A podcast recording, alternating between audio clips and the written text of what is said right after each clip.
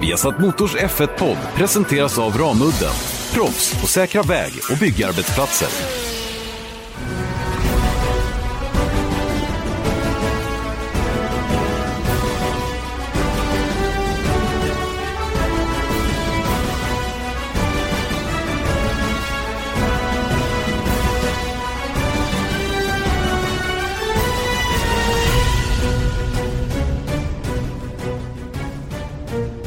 Hej och välkommen till Viasat Motors F1-podd med Janne Blomqvist och Erik Stenborg. Förutom det faktum att den här veckan så är Janne Blomqvist inte med oss. För jag har eh, istället tagit in Björn Wirdheim som ni kanske hörde hade lite jobbigt med rösten. Och nu har Björn gett sin röst så att säga i present till Janne Blomqvist. Ja, han stannar ju några dagar extra där nere i Spanien och den där tillsammans med sin fru Barbro. Och, eh, nej, det, det, var en tuff eh, helg det där eh, för min del. Jag åkte på en förkylning, det gjorde Janne också. Jag tappade rösten på, på lördagen fullständigt eh, under kvalet så att eh, Janne fick ju sköta det där själv. Han sa det, men testa att sticka in med någonting om det går mot slutet. Men alltså, jag kunde ju bara viska. så att, eh, jag är glad att det, att det inte var Janne som råkade ut för det. Att, eh, att han liksom kunde sköta det som, som normalt, för annars hade det blivit svårt för min del. Ja, då hade du fått göra det själv. Ja, visst. vet att, eh, att Ejel hamnade i den situationen. Ja. ja. Och det var han inte så himla nöjd med. Nej, det är lite, um, ja. Det funkade som ja. tur var, så det var lugnt. Ja, men det var faktiskt ganska kul när man hörde er. När du stack in det där i slutet av kvalet, då, kom, då lät det bara och du bara skrattade liksom nästan åt dig själv. Ja. Men eh, så får det vara. Ja. Helt enkelt. Och eh, Janne ska vila rösten för att han ska eh, kommentera lite Indy, eller Indy 500 kval. Just det. Till helgen. Ja. Så då är det viktigt att ha en röst ja, tillbaks. är klart. Men det känns eh, tryggt och säkert att ha dig vid min sida istället. Ja då. Du, idag ska vi pr prata lite om Spaniens Grand Prix, Hollands Grand Prix och eh, även en styrelseordförande för Mercedes. Och sen ska vi gå igenom lite överraskningar och besvikelser. Innan då eh, vi går, kopplar in eh, Anders Kron, vår man i USA för att eh, gå igenom lite runt vad som komma skall under the month of May, alltså det som leder upp till eh, Indy 500 den 26 maj. Ja. Som faktiskt både du och jag ska till, ja. eller hur? Hur känns det? Ja, det, det, ska bli jättespännande och roligt att få vara med under det här evenemanget. Eh, har man eh, pratat med lite folk generellt eh, i Formel 1-depån som, som har varit där tidigare. Och de säger det att den, den, den häftiga upplevelsen med så mycket folk på plats. Jag är nästan mer orolig för hur du och jag ska ta oss fram och tillbaka mellan stan och, och banan där. För det, det låter inte som det enklaste. Nej, men jag, håller, jag har fått eh, hugg här snart på ett, eh, en poliseskort eventuellt. Ja. Så att jag, jag jobbar på problemet ja. Björn, så du, du kan sitta lugnt i båten. Ja, okay. Säga just nu i alla fall. Ja. Nej, det, blir. det blir häftigt. Um, uh, jag bodde ju ett år i Indianapolis när jag körde Champ Car 2005 och eh, jag minns inte, det var någon anledning som gjorde att jag inte hade chans att åka och titta på det där racet, vilket eh, jag alltid har ångrat. Eh, så det är kul nu att titta i och med att eh, både Marcus och, och Felix eh, är på plats. Eh, det blir ju väldigt speciellt. Det blir ingen lätt uppgift för de två med tanke på att Ja, alltså köra ovalbana det ser lätt ut på utsidan när man sitter som betraktare och följer på tv och så vidare. Men det är så oerhört tekniskt och, och strategiskt. Um, så att um, det ska bli ja, spännande att se hur, hur de anpassar sig till det där.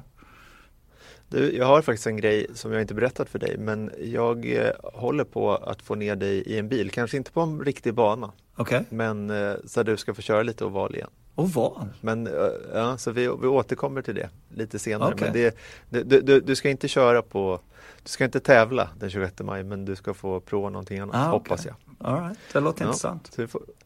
Men du, vi börjar, går tillbaks lite till föregående helg då med Spaniens Grand Prix. Allmänna känslor. Det var inte direkt någon liksom, rackarökare till race, men du var på plats. Hur, hur, hur kände det?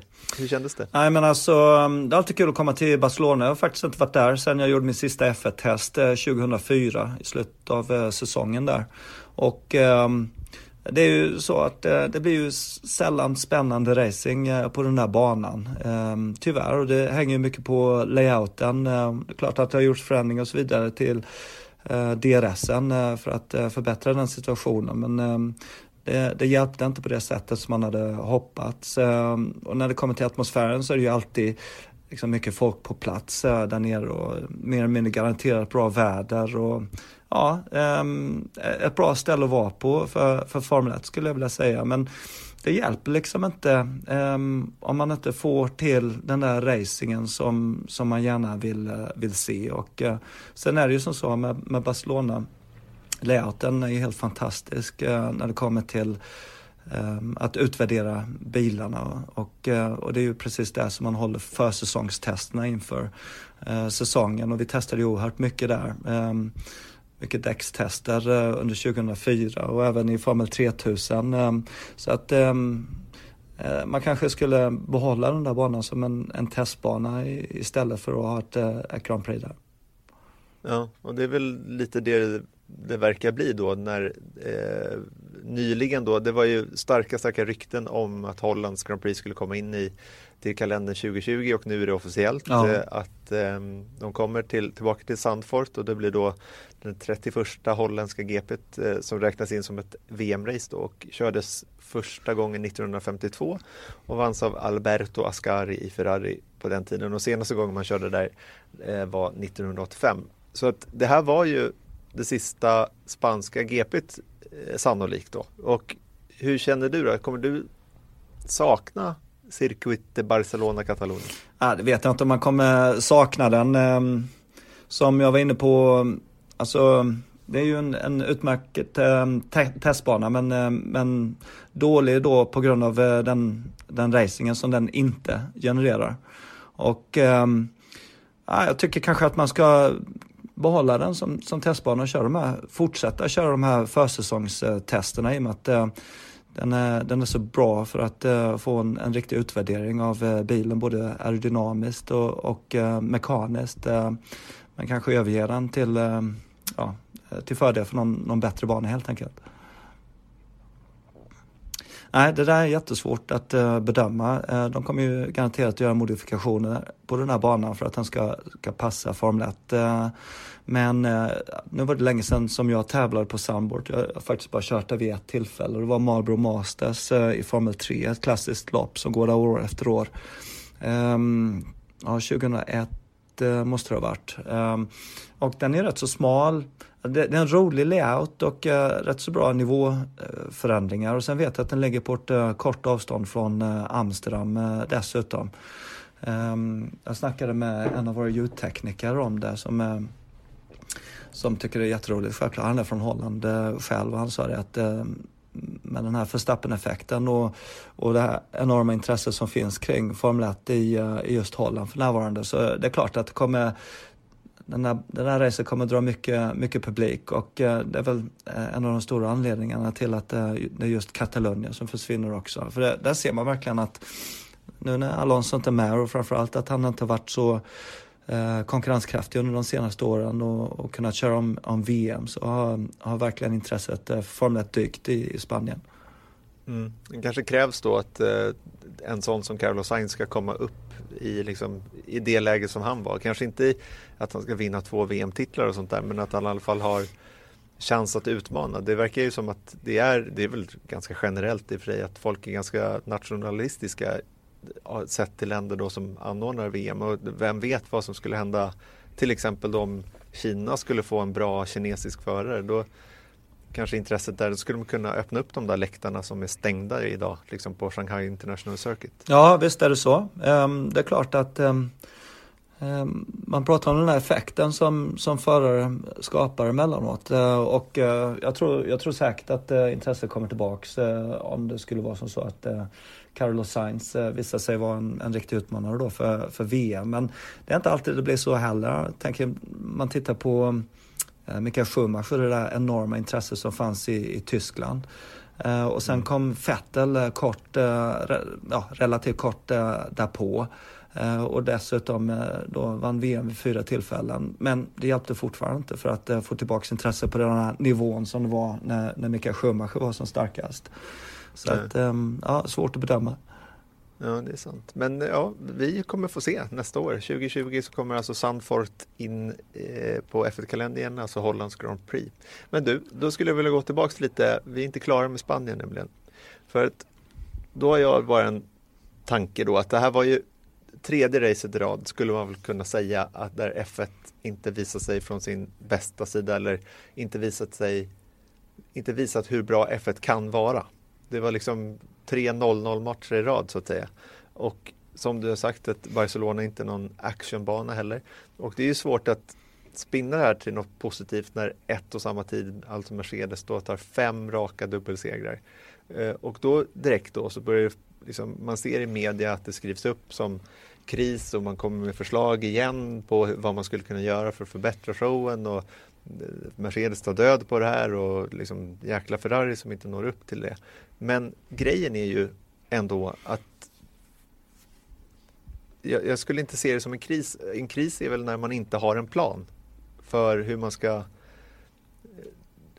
det som sker nu är väl ganska förväntat på ett sätt. Okej, man kanske inte trodde att eh, Ferrari skulle vara så långt bak som de, som de är, men det är fortfarande så att den här dominansen som de haft har de haft i, det här är femte året i rad och man liksom vi, kämpar ju mot en förändring, eller hur? Ja, visst är det så. Och, eh, man, det var lite grann eh, samma förra året. Eh, liksom när man bestämde sig för att eh, införa den här förändringen av eh, vingarna eh, för att eh, förbättra omkörningar. Den diskussionen kom igång direkt efter Melbournes Grand Prix. Och ehm, det tycker jag var väl ett eh, steg i, i rätt, rätt, eh, riktning. Men eh, det är ju just de där reaktionerna som man har börjat vänja sig vid inom Formel 1. Ehm, och det kanske inte alltid är den bästa lösningen, men jag tycker ändå att man får intrycket nu det finns en, en fastlagd plan för framtiden när det kommer till eh, framförallt de tekniska eh, reglerna som, eh, som ska hjälpa då Ehm, racingen generellt eh, inom Formel 1 och eh, det är ju svårt att eh, avgöra hur stor förändringen har blivit ehm, eh, inför årets säsong ehm, med lite enklare aerodynamiskt eh, reglemente. Eh, men det är just i den riktningen som man kommer gå fast kanske eh, en mycket större förändring i samma riktning inför 2021 då. Och eh, tittar man lite grann på statistiken så, så var det ju faktiskt många fler omkörningar i Melbourne i år än vad det var eh, förra året. Och ehm, jag tror, det är inget nytt att ett, eh, ett team som ehm, Mercedes som dominerar Formel 1 Eh, tänker tillbaks på, på den perioden då som vi nämnde tidigare, Mikael Schumacher när han var som mest eh, dominant eh, i Formel 1. Det var ju lika tråkigt att titta Formel 1 då som det kanske är i nuläget. Eh, men eh, det är så det fungerar. Min förhoppning är också att eh, den här, de här budgetbegränsningarna som det, som det pratas om, att man, man så småningom kommer att eh, reducera budgeterna och införa en begränsning på 150 miljoner dollar. Say hello to a new era of mental health care. Cerebral is here to help you achieve your mental wellness goals with professional therapy and medication management support. 100% online. You'll experience the all new Cerebral Way, an innovative approach to mental wellness designed around you. You'll get a personalized treatment plan from a therapist, prescriber, or both in a safe and judgment free space. Your Cerebral therapist or prescriber will outline a customized plan with clear milestones along the way so you can get to feeling your best. With Cerebral, you're not alone in your mental health journey. We're here to empower you to live a fulfilling life. So take that first step towards a brighter future and sign up today at cerebral.com slash podcast and use code ACasts to get 15% off your first month. Offer only valid on monthly plans. Other exclusions may apply. Offer ends July 31st, 2024. See site for details. Eh, är väl det beloppet som har nämnts. Eh, och då tror jag att eh, det är först då vi kommer få se mycket jämnare racing, men fortfarande med de där tekniska innovationerna som man är van vid att, eh, att se i Formel 1. Och det man ska tänka, du nämnde Michael Schumachers dominans då från 2000 till 2004. Då var det faktiskt bara en förare också. Om man väljer att se glaset som halvfullt idag då när det finns en dominans från Mercedes men det är fortfarande fight i minsta fall då inom Mercedes på den tiden så var det ju bara Schumacher. Det fanns ju inte en sportlig att, Schumacher, att Schumacher skulle släppa en VM-titel till Barrichello. Nej, du har rätt. Eh, och det, och det är det som, ehm, som verkligen intresserar mig att se hur det där samarbetet, ehm, eller samarbetet, men alltså hur det, hur det kommer utspela sig nu under den närmaste delen av säsongen mellan ehm, Lewis och, eh, och Valtteri. Det är ju det, det, det, gör att det fortfarande faktiskt eh, finns eh, en viss eh, spänning i, i mästerskapet i och med att de är så pass jämna som de är. Och, det, det, var ju självklart någonting som man kanske inte hade förväntat sig att Bottas skulle öppna säsongen så pass starkt. Ehm, och det, det som jag är nyfiken på att se är liksom hur Lewis kommer hantera den här nyfunna styrkan som, som Bottas verkligen har hittat. För att han bygger ju vidare på det här från, från race till race och eh, hade sånt eh, enormt starkt kval i, i Barcelona och fortsätter han på den vägen så, så kommer Lewis verkligen att eh, få kämpa för att, eh, för att ehm, eh, lyckas slå honom. Och ehm, just, just nu tycker jag han ser nästan ostoppbar ut. Ehm, han blir bara snabbare och snabbare och det där gapet som han hade i kvalet till, till, till Lewis då i, i Spanien, det var kanske lite större än vad det egentligen eh, skulle ha varit. Men eh, det är fortfarande stensäkert att han hade tagit pole position från, eh, från Lewis där. Så att, ja, jag undrar bara om, om vi kanske får uppleva en liknande situation som vi såg då mellan Nico Rosberg och, och Hamilton 2016 där. Um, och uh, hur Bottas kommer att uh, gå, gå tillväga. Uh, för han kanske, han kanske måste liksom, han kanske kommer till det där läget när han måste sätta ner foten och visa, visa att han, han faktiskt eh, eh, ja, sätter sig själv eh, främst. Eh, ja, några race framåt här nu. Ja.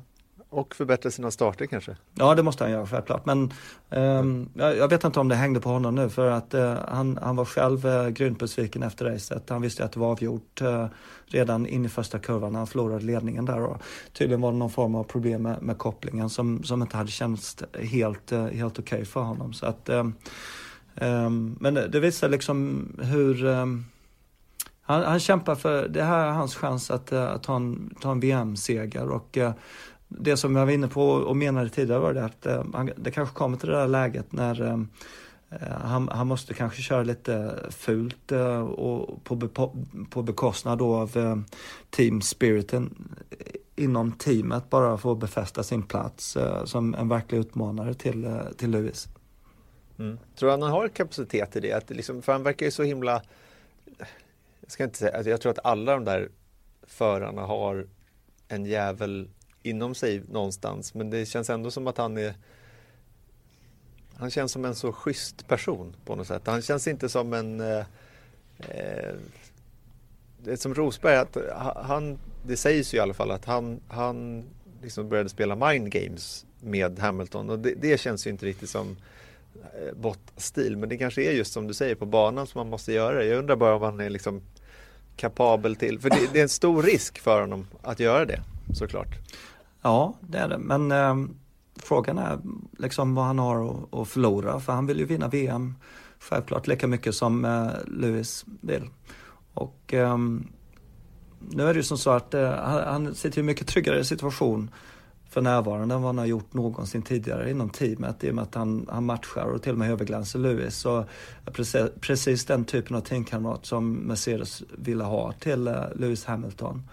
Eh, och ja, jag håller med dig, absolut. Eh, han verkar inte vara den där typen som, eh, som håller på psykologiskt ehm, och försöker liksom dra fördel av, av den biten. Jag tror att han verkar rätt så snäll på det sättet, men det kan förändra sig snabbt. Ehm, och om man ser vad han har gjort tidigare under Ehm, alla förare kommer från samma bakgrund. Jag har kört i juniorserier och, och, och varit tvingad liksom att ta för sig för att, eh, eh, för att eh, nå de resultaten som krävs och, och vinna. Och, ehm, det är ju lärdomar som man har, har dragit av, av det och erfarenhet som innebär att på banan så är jag inte speciellt orolig för att han, han är kapabel till att sätta emot när det väl gäller. Det är bara liksom och, och, intressant att se vilken av de här två förarna som, som, som kanske gör något extremt först. Lewis var ändå inne och sa då efter Baku och det där första varvet som de körde att eh, han förmodligen hade kunnat sätta emot lite hårdare och, och, och tagit eh, ledningen där under det första varvet. Eh, det där skötte de eh, snyggt eh, båda förarna men hade det varit ett läge senare under säsongen så, så hade ju Hamilton varit mycket tuffare. Ehm, och ehm, ja, liksom att, se vad som inträffar nu under de närmaste racen. För om, om Walter fortsätter att kvala ut eh, Hamilton eh, så kommer Hamilton hamna i ett läge där han känner sig pressad och där han är tvingad att, eh, att, att ta större risker gentemot sin teamkamrat under framförallt startögonblicken med tanke på att det är så svårt att, att köra om under racen. Att, ehm, att det ofta avgörs då startögonblicket och första första varvet framförallt. Eh, så vem av dem som, ehm, ja, jag vet inte om man ska säga kör fult, men vem av dem som, som börjar ta lite större risker eh, gentemot teamkamraten först. För blir det Lewis eh, som gör det, då är det ju, då är det ju lätt för Walter att kontra. Ja, exakt. Han, han började. Ja, visst. Mm, ja, då har han den ursäkten, ursäkten åtminstone. Ja, exakt. Ja. Har du varit med om det någon gång under din karriär att din teamkamrat liksom börjat köra med fula grejer, liksom lite psycho grejer? Um, jag vet inte om jag kan dra något uh, speciellt exempel men uh, förmodligen inte i Formel 3000 och jag tycker inte i Formel Nippon heller. Ehm, för det var ju liksom under de åren som man tävlade på rätt så hög nivå men fortfarande individuellt eh, och, och kämpade mot teamkamraten. Eh, kanske första året i Formel 3 hade en tysk eh, teamkamrat, Alex Müller, som, som var favoriten till mästerskapet det året. Och jag, jag började säsongen starkt och det tyckte han hotade honom ehm, ehm, inom teamet. Eh, för han ville att teamet skulle lägga alla resurserna på honom. Så det är kanske det, det tydligaste exemplet. Och han, var inte, han var inte lätt att ha, ha att göra med och ville inte dela datalogging och, och hela den biten. Och jag tror det såg till så att eh, jag rätt så tidigt blev av med den ingenjören jag började säsongen med som faktiskt eh, var rätt så, så duktig. Ehm, så att ja, det är, det är sådana där, såna där grejer som man får vara försiktig med. Men Björn, apropå den här äh, fighten i, i Mercedes. Jag, någon som hyllades ganska mycket under helgen i, i Barcelona då var Dieter Zetsche. Alltså den utgående styrelseordföranden av Daimler som nu lämnar över ordförandeposten till eh, svensken Ola Källenius som just nu då chefar över Mercedes-Benz Cars. Och där tänker jag då att när ett företag, om man jobbar äh, själv liksom inte inom Formel 1 och sen så byt, får man en ny chef. Då kan det ju vara så lite att det, ofta så blir det stora förändringar inom organisationen och att man kanske eh, ja, den nya ordföranden eller vdn eller någonting vill sätta sin egen prägel på vad, eh, vad man gör. Jag tror att det finns någon form av oro inom Mercedes F1 team att deras situation kan förändras inom F1? Nej, eh, det tror jag inte överhuvudtaget. Eh, det är så viktigt för dem eh, kommersiellt och de får, de får en sån utdelning på de här resultaten som de gör just nu när det kommer till försäljningen av, av sina bilar. Så att det, det är jag inte direkt orolig för. Och sen när det kommer då till Ola Källenius som tar över den här positionen så har han, han har ju ett enormt motorsport och framförallt Formel 1-intresse. Jag träffade honom Eh, när var det? Det var nog första året jag körde GT i Mercedes eh, SLS. Så var vi med eh, på AMG. De har en, en prisutdelning i slutet av året. Träffade jag Ola, för han var VD tror jag, om jag inte minns fel, för AMG i det läget. Och eh, då var det som så att eh, han hade ju varit involverad i Formel 1 eh, och arbetat inom Formel 1 tidigare då för Mercedes när de var motorleverantörer till McLaren-teamet. Ehm, så att eh, jag vet att eh, han har själv ett eh, enormt intresse för Formel 1 och motorsport överhuvudtaget. Och det är ju jätteviktigt för Mercedes. Ehm, nu har de förvisso dragit sig ur DTM ehm, men satsar mycket på Formel E och Formel 1. Och sen så har de ju sina olika program då inom, inom olika GT3-mästerskap dessutom. Så att mm. Ehm, det, det tycker jag inte jag är så orolig för. Nej, Nej det kanske blir mer så, så här, om de här re reglementet då till 2021 som vi var inne på tidigare, om det inte på något sätt så här, om det missgynnar Mercedes på något sätt och sen så går det inte lika bra efter det, ja. då, då kanske man tröttnar. Men det bygger väl såklart väldigt mycket på hur, hur mycket bilar de säljer. Ja, det, i slutändan så, så, så, är det ju alltid det som det, det handlar om. Um, men sen är det klart att eh, de, de, har enorma resurser, Mercedes um, Formel 1-teamet. Och um, om det nu blir uh, rätt så extrema skillnader i budgetar som de uh, får tillstånd att använda så går det ju inte att köpa sig fördelar på, på samma sätt. Men eh, jag tror säkert att, eh, att de är villiga att eh, fortsätta efter 2021 och sen får vi väl se. Men de, de kastar ju inte in handduken efter de första åren när det inte gick något vidare för dem när de kom tillbaka in i Formel 1 utan de hade en, en långsiktig plan som de fullföljde och som börjar betala sig nu. Mm, det gör det verkligen. Men du, nu ska vi gå vidare för att prata överraskningar och besvikelser. Och vad jag förstår så har du som första punkt en besvikelse. Ja. Eller hur? Ja, ja. Berätta. Um, ja, det är ju Ferrari, det går inte att komma ifrån. Um, sådana förhoppningar man hade på Ferrari-teamet uh, inför Barcelona. Uh, och ändå sett uh, hyfsat starka ut emellanåt. Jag tänker självklart på Bahrain uh, framförallt där de hade kapaciteten att ta en rätt så enkel seger tillsammans med Charles Leclerc. Um, och um, med uppdateringar och så vidare. Um, man hör om den här nya motorn som eh, de kom till Barcelona med. Och sen så ser man istället då att om de inte har tagit ett steg, de har ju inte tagit ett steg bakåt självklart i utvecklingen men de, de verkar stå, stå kvar på samma plats. och ja, gapet till Mercedes eh, har ökat. Ehm, så att, ehm, och, och det här i kombination då med ehm, fort, fortsatt eh, långsamma beslut när det kommer till strategin under racen. Och, ja. Ta som exempel där Vettel som självklart, precis som han är tvingad att göra, sätter alltid på ett kort in i första kurvan.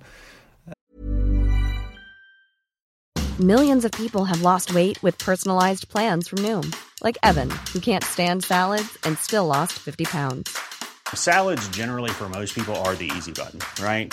For me, that wasn't an option. I never really was a salad guy. That's just not who I am. But Noom worked for me. Get your personalized plan today at Noom.com. Real Noom user compensated to provide their story. In four weeks, the typical Noom user can expect to lose one to two pounds per week. Individual results may vary. Say hello to a new era of mental health care. Cerebral is here to help you achieve your mental wellness goals with professional therapy and medication management support. 100% online. You'll experience the all new Cerebral Way, an innovative approach to mental wellness designed around you. You'll get a personalized treatment plan from a therapist, prescriber, or both in a safe and judgment free space. Your cerebral therapist or prescriber will outline a customized plan with clear milestones along the way so you can get to feeling your best. With Cerebral, you're not alone in your mental health journey. We're here to empower you to live a fulfilling life. So take that first step towards a brighter future and sign up today at cerebral.com slash podcast and use code ACasts to get 15% off your first month. Offer only valid on monthly plans. Other exclusions may apply. Offer ends July 31st, 2024. See site for details. Eh, för att försöka utmana Bottas och Hamilton och det leder till att han flatspottar sitt däck och det rapporterar han direkt eh, tillbaks till eh, teamet. Att han har en, en ordentlig vibration.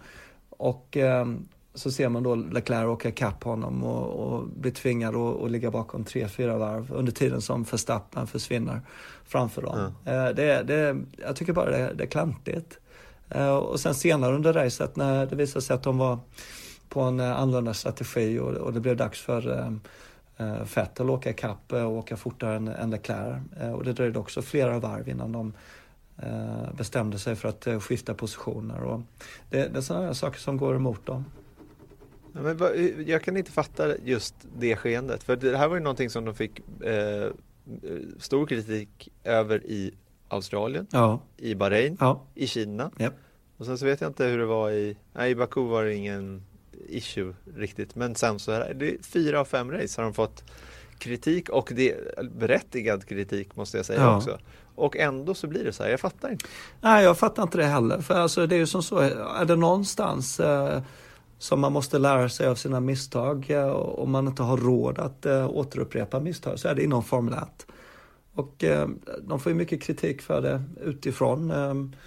Eh, man läser eh, vad journalister skriver. Det är ju uppenbart för, för, för folk i allmänhet att se vad det är som är vad, vad som de gör fel och sen så upprepar de det igen.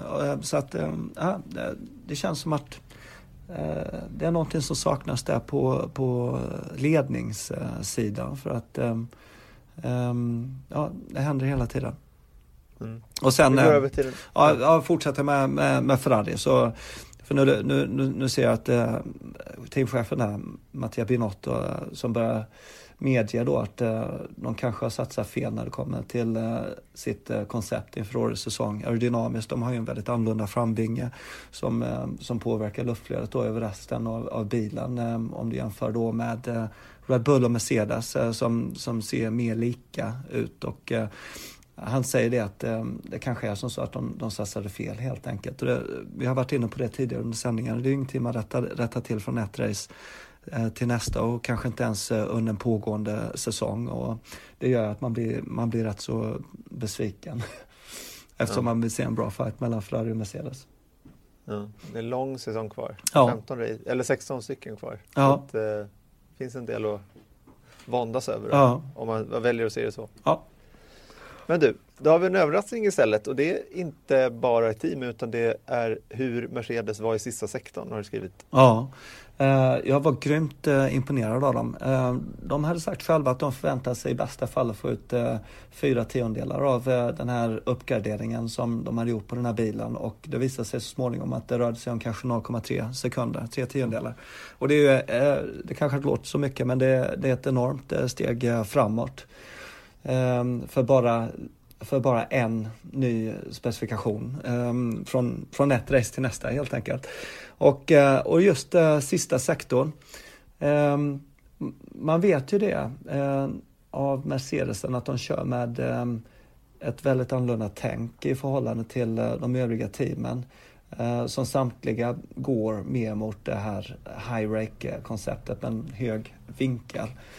Eh, för att eh, det är någonting som kommer från Adrian Newey eh, från början och Red Bull-bilen utnyttjar det väldigt effektivt. Och Mercedes har hållit ehm, kvar då vid den det kanske mer traditionella sättet att bygga bilar med, med låg rake, en rätt så plan bil med en längre hjulbas å andra sidan som innebär att de, den, den här downforcen som de förlorar eh, genom att inte köra med high rake. Den tar de igen på grund av att de kan köra ett, eh, ett, eh, ett längre golv.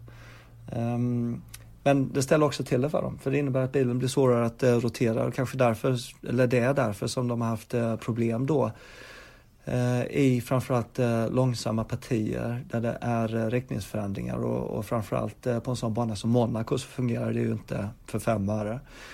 Men så kommer de till Barcelona och eh, då har de verkligen arbetat på sin svaghet, vilket var långsamma partier just.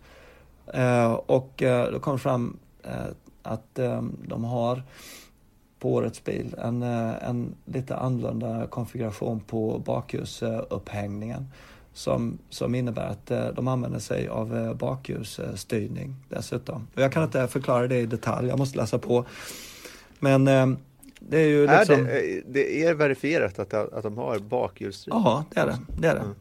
Mm. Får man det? Jag tror, jag Nej, men jag tror inte det är på samma sätt. Jag tror att det här eh, eh, det är inte så man tänker sig bakhjulsstyrning utan det är helt enkelt att den, hur man har satt ihop den här hjulupphängen gör det kanske enklare, inte bakhjulsstyrning men det, det, gör det enklare att rotera bilen i, i långsamma kurvor. Mm. och det tyckte jag man såg eh, rätt så tydligt. Eh, man tittar på Bottas eh, ombordvarv eh, från kvalet när han satte på position, hur han kommer in lite för snabbt eh, in i sista chikanen. Han får inte den där perfekta touchen på första apexen där över curbsen. Men han, han, han, lyckas fortfarande rotera bilen och komma på gasen tidigt. Det ser, det ser lättkört ut. Så att det är mycket imponerande av eh, Mercedes att eh, fokusera på ett område där de eh, har en uppenbar svaghet och, och få till en lösning på det. Mm. Ja, det, verkligen, och det är det här som vi pratade en hel del i sändningen under helgen. Just att man pratar om utrymme för innovation. Och jag menar utrymmet är pyttelitet för innovation. Men ändå så innoveras det en hel del. Kan man väl konstatera. Mm. Ska vi gå på nästa överraskning? Var det något mer? ja, du, du, hade, du hade egentligen ja, vi kan tänka två på. eller ja. nästan tre. Has, ja, just det. säger jag. Mm. Nej, jag vet inte i överraskning, men eh, de, de bekräftar själva att eh, det som ställer till för dem i nuläget är däcksuppvärmning och hur man hanterar de här nya däcken med eh, en lite tunnare slitbana. Och ehm, Eh, de hade ett eh, rätt så speciellt upplägg för de fria träningarna för att eh, verkligen fokusera på att få en lösning på det här problemet. De kör alltså en ny specifikation då som man har gjort inför Barcelona, skulle vilja säga framförallt för att komma till rätta med de här problemen. Sen körde de den andra bilen då med den gamla specifikationen för att få en läsning av däcken helt enkelt och se hur de kunde kombinera den gamla och den nya specifikationen för att, eh, för att underlätta situationen när det kommer till däcksuppvärmning och så vidare. Eh, och ehm, det verkade ju som, som att de gick framåt eh, med den utvecklingen med tanke på det kvalresultatet som man såg. Men man ska inte glömma heller att ehm, det, var rätt så varmt i banan i Barcelona. Det är alltså sträv asfalt eh, och dessutom den här bankonfigurationen eh, eh, genererar oerhört mycket energi i däcken med de här långa, svepande, snabba eh, framförallt högerkurvorna. Och, och sen så jag tänker på kurva 4 så man, man är blixtsnabb in där och sen sen på bromsen. Och liksom det, det borde vara ett problem snarare att eh, att eh, hålla nere temperaturen i, i däcken eh, under de situationerna. Så att kvalet gick väl eh, hyfsat bra och sen tittar man på racesimuleringen eh, som de gjorde så såg det inte kanske lika bra ut men i racet ändå så så, så verkar det som att det hade blivit bättre fram till den här säkerhetsbilssituationen som kom rätt så sent. Um, och då fick man intrycket återigen att eh, framförallt Grosjean hade problem att få upp tempen igen. Och eh, det bekräftade både han själv och teamet. Eh, när han väl fick upp tempen så lyckades han ju hålla undan men det, det ledde ju till att han tappade ett eh, gäng positioner. Eh, körde mål på en tionde plats och, och, tog poäng för det självklart. Men eh, ehm, det, det, det känns fortfarande som att eh, Eh, de har lite mer jobb ehm, för att komma till rätta med det problemet. Sen får man inte glömma heller att banorna förändrar sig hela tiden. Och eh, nu kommer det härnäst till, eh, till Monaco som också är en bana som man inte tävlar på bortsett från under den här racehelgen. Så att greppnivåerna är låga. Eh, temperaturen är kanske inte så där vansinnigt hög och asfalten är rätt så slät. Så att eh, Ehm, det kommer ju vara liknande förutsättningar som det var i, i Baku kanske. Ehm, så att jag tror fortfarande det kommer bli lite upp och ner för det här teamet. Jag räknar inte kanske med att de är så starka just i, i Monaco. 33 förare, 200 varv runt Indianapolis Motor Speedway, 500 miles eller 804 kilometer och 672 meter. En flaska kall mjölk, the greatest spectacle in racing. Anders Kron, vår man i USA, Välkommen tillbaka till podcasten. Tack så mycket, det ska, ska ju vara här igen. Mm. Och du, jag tänkte så här att nu är vi inne i någonting som kallas the month of May. Och jag baserar det här på mig själv, men liksom generellt så tror jag att kanske inte att alla svenskar riktigt förstår liksom grejen med Indy 500. Vi vet att det är en stor grej, men kanske inte riktigt vidden av det. Och det är det jag tänkte att vi skulle få hjälp med eh, genom dig då idag. Det känns väl bra? Ja, absolut. Det, det är ju en ganska, det, det, är ganska svårt att förklara. Det var något som inte jag heller förstod innan jag kom till USA och innan jag kom till Indianapolis. Uh, jag hörde ju om folk som pratade om Month of May, så tänkte jag nej men det här, det kan inte vara så stort som det de pratar om. Mm. Men sen när man är här i maj Så det är sjukt att hela staden, hela, hela, hela staten Indiana kommer bakom det här. Det är en miljon människor som kommer till Indianapolis Motor Speedway. Hela staden Indianapolis är en, är en annorlunda plats att vara än, än till vanligt. Så det är, det är fantastiskt unikt. Ja. Hur stor är Indianapolis som stad? Eh, Indianapolis har cirka en miljon människor. I, mm. 200 eh, 000 av dem är downtown, eh, men en, en miljon totalt. Och ja, genom den här månaden så exploderar hela byn. Alltså det är dubbelt så många folk. På banan är det då en miljon människor från början av månaden till, till sluten. Så det är, det är ganska sjukt. Okej, men du, till att börja med, kan du berätta lite, jag förstår att det är, det är lång historia, det är 103 vers, eh, omgången va, av Indy 500 som körs i år. Så att det, det är mycket då. Men vad, vad, är liksom lite historien bakom Indy 500? Alltså, Indianapolis Motor Speedway byggdes ju i första omgång för att testa bilar. Um, och eh, det, det, var det som var hela orsaken och sen i, i 1911 uh, eh, så bestämde de sig för att nej men då, nu, nu har vi så många bilar här som testas. Låt oss köra en tävling här.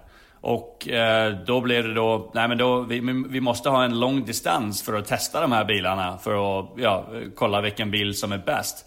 Sen så bestämde de sig för, nej men då gör vi 500 miles runt den här banan som är 2,5 miles i längd. Uh, och, och så började traditionen. Och uh, ja, det, det, är ganska sjukt faktiskt att, har, ja, att vi nu är på 103 gången i, uh, i Indy 500. Du, man har alltså kört, nej man har inte kört alla år då? Det är fem nej, år där som man har missat. i den andra världskrigen så var det ju något, så körde man inte. Sen så är det några andra år. jag kommer inte ihåg vilka år det är, men det var no, någon år som det inte, inte kördes tävling. Och vad är det då med den här mjölken? Eh, men mjölken, det, det började egentligen, egentligen med Indiana Dairy Association uh, som ville sälja mer mjölk. Så de sa, mm. nej men då, uh, då gör vi så här att vi, uh, vi, vi sponsrar vinnaren av den här. Han dricker mjölk när han kommer i Victory Lane. Mm. Så det var där det började, men nu är det ju synonymt med hela, hela grejen. Att ja, om man vinner det här så dricker man mjölk och det är ganska, det är ganska kul. Ja, men det, det är ganska, vilken bra sponsorgrej, att det liksom bara fortsätter. Ja, absolut. Och nu, nu är det ju en, en stor eh, del av historiken och, och, så är det ju så här att varje chaufför efter kvalet så kommer varje chaufför in på Indianapolis Motor Speedway och får välja ut vilken typ av mjölk de ska ha om de vinner tävlingen. Så då är det helmjölk, 2% mjölk, eh, sojmjölk, ja man har många alternativer som man får välja efter kvalet. Du, om du hade vunnit Indy 500, tror inte du att du hade tagit vilken mjölk som helst då? Då hade jag tagit eh, chokladmjölk mjölk, tror jag. okay. Som måste vara, som måste vara vit då? Men då får du en vit flaska på något sätt. Precis. Okay. Men du, the month of May, det är ett liksom riktigt begrepp. Och det betyder ju då att hela uppbyggnadsfasen till the, the Memorial Day Weekend som är alltid då Indy 500 går. Det är en hel månads förberedelser. Men vad sker under den här månaden rent liksom schemamässigt? Eh, det började ju för, för många år sedan så var det ju tre fulla veckor med träning och, och kval innan tävlingen då. För det var ju 60, 70, någon gånger upp i 100 eh, chaufförer som försökte kvalificera till tävlingen. Så det var, det var flera veckor med, med träning och sådär. Men sen de sista åren så har, ju, har det ju bara varit så här 36-37 folk som, som, behö, eh, som försöker kvala. Uh, och, och nu är det ju en späckbil. Så det är inte så mycket man kan göra med bilen. Så nu, sen har de kuttat ner på, på träningen. Så, och i, från och med 2014 så har de nu också Indycar Grand Prix som händer på den här roadcoursen på, på Indianapolis.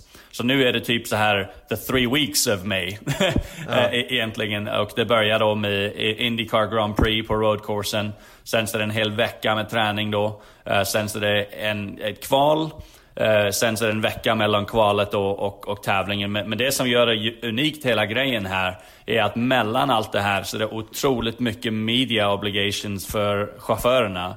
Eh, de åker över hela, hela USA, eh, promoterar eh, arrangemanget. Så de, de, som då kvalar in sig till helgen här, De, de kommer då åka på måndag till nästa vecka. De åker till New York, till Los Angeles, till ja, he hela, hela landet här för att promotera arrangemanget.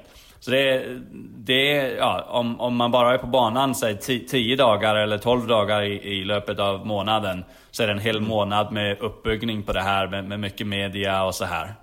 Ja, jag, jag, minns faktiskt det när 2017 när Alonso körde, när liksom kanske Europa fick upp ögonen för Indy 500 något mer då, att han, hans, i hans tal då på banketten efter racet säger han någonting i stil med att så här, ja, ni kanske tycker att det är normalt att man åker till en annan stad för att göra promotion för ett, eh, för ett race, men det är det inte. Mm, nej. Liksom. Så, och det är ju verkligen speciellt då. Men var, varför är Indy 500 det är stort, bla bla bla. Vi vet det. Men, men varför är det här så stort för teamen? Förstår, förstår du min, min, ja, det, min fråga? Det, det, det, är ganska svårt att förklara för det är något det är något som jag tror innan man kommer till Indianapolis är det svårt att förstå hur stort det här är. För det, det, var för mig första gången i Indianapolis var i 2008. Uh, eh, jag hade tävlat i, i ett år i, i, USA men hade inte varit på, på Indianapolis. Och uh, fick äntligen möjligheten då att komma hit. Och så är det så här, när man kör under tunneln in i, i banan så förstår man Plötsligen förstår man historiken på den här platsen. Man förstår mm. hur viktigt det här är är, hur mycket historik det är, hur svårt det är att vinna den här tävlingen. Och jag, jag tror det är det som är kanske det kulaste med den här tävlingen är att när man går in, i tävlingen så är det inte så att om man har pole position så kommer man vinna tävlingen. Det, det händer inte ofta. Det är så här att varje chaufför som startar den här tävlingen, alla 33, har möjlighet att vinna. Så, så det, mm. det för mig är ganska unikt. Um, det, sen så är det ju det att det är 400 000 människor som sitter runt uh, i läktarna och uh, atmosfären är ganska otrolig faktiskt. Så det är, um, det, det, är svårt att förklara, det, det är det. Men, uh, men det är något som en gång man kommer hit för första gången så, så förstår man det. Ja. Hur, hur, och jag hoppas på att förstå det när, när jag väl kommer dit, men jag är väldigt spänd för det, det är just så här, det känns lite abstrakt i mitt mm. huvud vad, vad, jag kommer uppleva där. Men jag börjar förstå mer och mer nu när man har kontakt med Indycar och, och dig och, och, och, flera team. Då. Men du säger extremt mycket media och de skickas ju verkligen landet runt för att göra promotion. Hur, hur, om du sätter in i liksom förarnas position, hur slitigt är det här för dem i en uppbyggnadsfas till ett sånt här enormt race? Det, det, det är jättesvårt och det, det, är något som eh, desto större man blir som chaufför och, och desto mer känt man blir så, så är det ju mer och mer media obligations som man måste göra. Så uh, för en Helio Castroneves eller James Hinchcliffe eller Scott Dixon eller sådär så är det så att man känner att man blir dragit i, i varje direktion varje dag och då är det ju så här att nu den här veckan så ja, det är bara träning från klockan 11 till 6 varje dag. Men sen så är det kanske från, från klockan 8 till 10 så är man i media obligations och sen så har man kanske en middag med någon sponsorer efteråt. Mm. Så det gör att det hela, man, man arbetar eh, typ 14 timmar om dagen. Och det är, då, är det svårt, då är det svårt att få, få sänka skulderna lite och, och göra sig klar för tävlingen. Så jag tror det är otroligt svårt från chaufförerna att bara få ett, ett ögonblick och bara sitta ner, ta pusten och sen fokusera på, på att köra. Ja. Och, och sen så är det andra aspekter då som gör det här racet väldigt viktigt. Det är till exempel dubbla poäng. Det är väl väldigt mycket prispengar och sen såklart prestige då. Men, men försök sätta ord på det då, att liksom varför det är så viktigt i form av sådana saker. Alltså för, för mig så betyder poängerna på Indy betyder ingenting. Det är det endaste som betyder något på, på Indy är att vinna tävlingen. Så att den, det endaste sättet poängerna betyger något är om man ligger typ på nionde eller tionde plats och man har inte möjlighet att vinna tävlingen på slutet av, av tävlingen. Ja, då, då tänker man kanske okej, okay, men då tar jag bara någon poäng till tävlingen. Men om mm. man är typ topp 5 så 100% går du in med full attack. Själv om det kanske inte kommer hjälpa dig i mästerskapet för att du vill ha den här vinsten. För den här vinsten är lika viktig som att vinna mästerskapet. Så att om man har möjligheten till det här så måste man göra det. För det är, det är faktiskt det är många som säger att det är svårare att vinna Indy 500 än det att vinna mästerskapet. Uh, för att Indy 500 är väldigt, är väldigt unpredictable. Man vet inte vad som kommer hända uh, med vädret, med conditions, med pitstops. Det är 7, 8, 9 pitstops. Um, så det, uh, det, det, är så väldigt svårt att få ihop allt på en dag. Det, det är så mycket som kan gå galet. Och ha då en trouble free run är, är jättesvårt. Ja. Och jag vet, du ska faktiskt iväg och, och kommentera alldeles strax här, men jag ska försöka få in eh, ett par frågor till då. Eh, det är kval i helgen som vi sänder då såklart, Viasat Motor och Viaplay. Berätta om upplägget. Ja, eh, och kvalet i, helgen är li, lite uppdaterat från, från de sista åren um, med, med, lite nytt, nytt format. format. Eh, så nu är det, nu, är det egentligen eh, del, delat upp i tre grupper. Så på lördagen så, så har vi 36 bilar som försöker komma in i fältet av, av 33. Efter kvalet på lördagen så delas de upp i, i tre grupper. Man har top 9 som då på söndagen kommer in i en pole shootout. Det, det bestämmer då de, de, tre första raderna på, eh, på griden. Eh, sen positioner 10 genom 30, de, de har setts på lördagen redan. Så de, de är safe, de är in the race. Men positionerna 33, 31, eh, sorry, 31 eh, till 36, eh, de kommer då in i, i, i det som kallar bump day. Så att ja. efter, på eftermiddagen på söndag så kommer man åka och bumpa varandra ut av fältet och in i fältet och sådär. Helt till eh, tiden är uppe och vi har 33 bilar definierat i, i fältet då. Så då är det ju tre tre bilar eh, och chaufförer som, som kommer att åka hem dem då som inte, inte kommer med i tävlingen. Ja.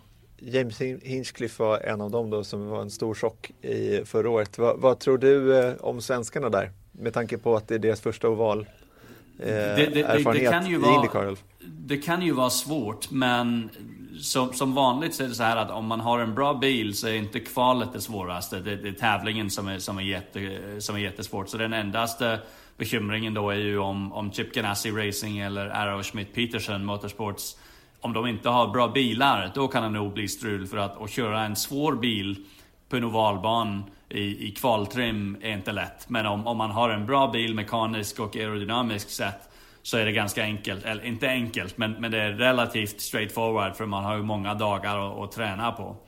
Um, så, så jag, jag, tror att så länge att båda teamen har en bra baseline setup så, så, så går det nog bra. Ja, vi får hoppas det för svenskt vidkommande. En, en, avslutningsvis då, en, apropå det du sa då om att det är nästan ja, lika viktigt eller till och med viktigare att vinna Indy 500 eh, än att vinna Indycar-mästerskapet och det är ju just av prestigen runt det här och uppmärksamheten som kommer. Finns det liksom utifrån ditt perspektiv något, liksom en baksida nästan med att Indy 500 får den här uppmärksamheten. Jag, jag jämför lite med Le Mans till exempel som är en del av World Endurance Championship. Jag menar jättestort fokus på, på Le Mans men folk bryr sig inte ens riktigt om att titta på resten av mästerskapet. Mm. Du, tror att det liksom finns en en, en, en baksida helt enkelt. Ja, absolut. Och, och, speciellt när det gäller sponsorer. För, för Indy 500 så kan man ju kommandera stora budgeter från, från sponsorer. Alla vill, komma dit på hospitality och hela eh, VIP, hela grejen. Men sen så är det ju, det, det, finns någon andra tävlingar som är väldigt attraktiva från ett eh, sponsorperspektiv. Men många av dem som, som inte är det. Så, så det är ju det som gör det lite svårt för en chaufför som Eh, som kanske inte är fulltime i Indycar så är det mycket lättare att få sponsorer till att åka Indy 500 än det är att få sponsorer till att åka något annat. Så eh, utan tvekan är det ju lite, det, det gör resten av säsongen lite svårare att försvara från ett budgetperspektiv. Ehm, men, men huvudsakligt så tror jag att det är jättepositivt att Indy 500 är så stort. För det, det, gör ju, det öppnar, öppnar ju dörren då för de andra tävlingarna att, att vara större än det de hade varit om vi inte hade haft en Indy 500. Och till sist, Anders, vem vinner Indy 500 2019? Oh, den är Innan svår. nu första tävlingen drar igång. Um, då, då kanske jag ska säga så här att om, om Chevrolet ännu har en, ett försprång så blir det nog jättesvårt att slå en, en Will Power eller Josef Newgarden. Uh, men om de är lite närmare varandra i år så tror jag Alexander Rossi kommer vara jättesvår att slå. Han var i trafik i fjol var han helt sjuk att kolla på. Han åkte ifrån 32 plats på griden upp till fjärde plats.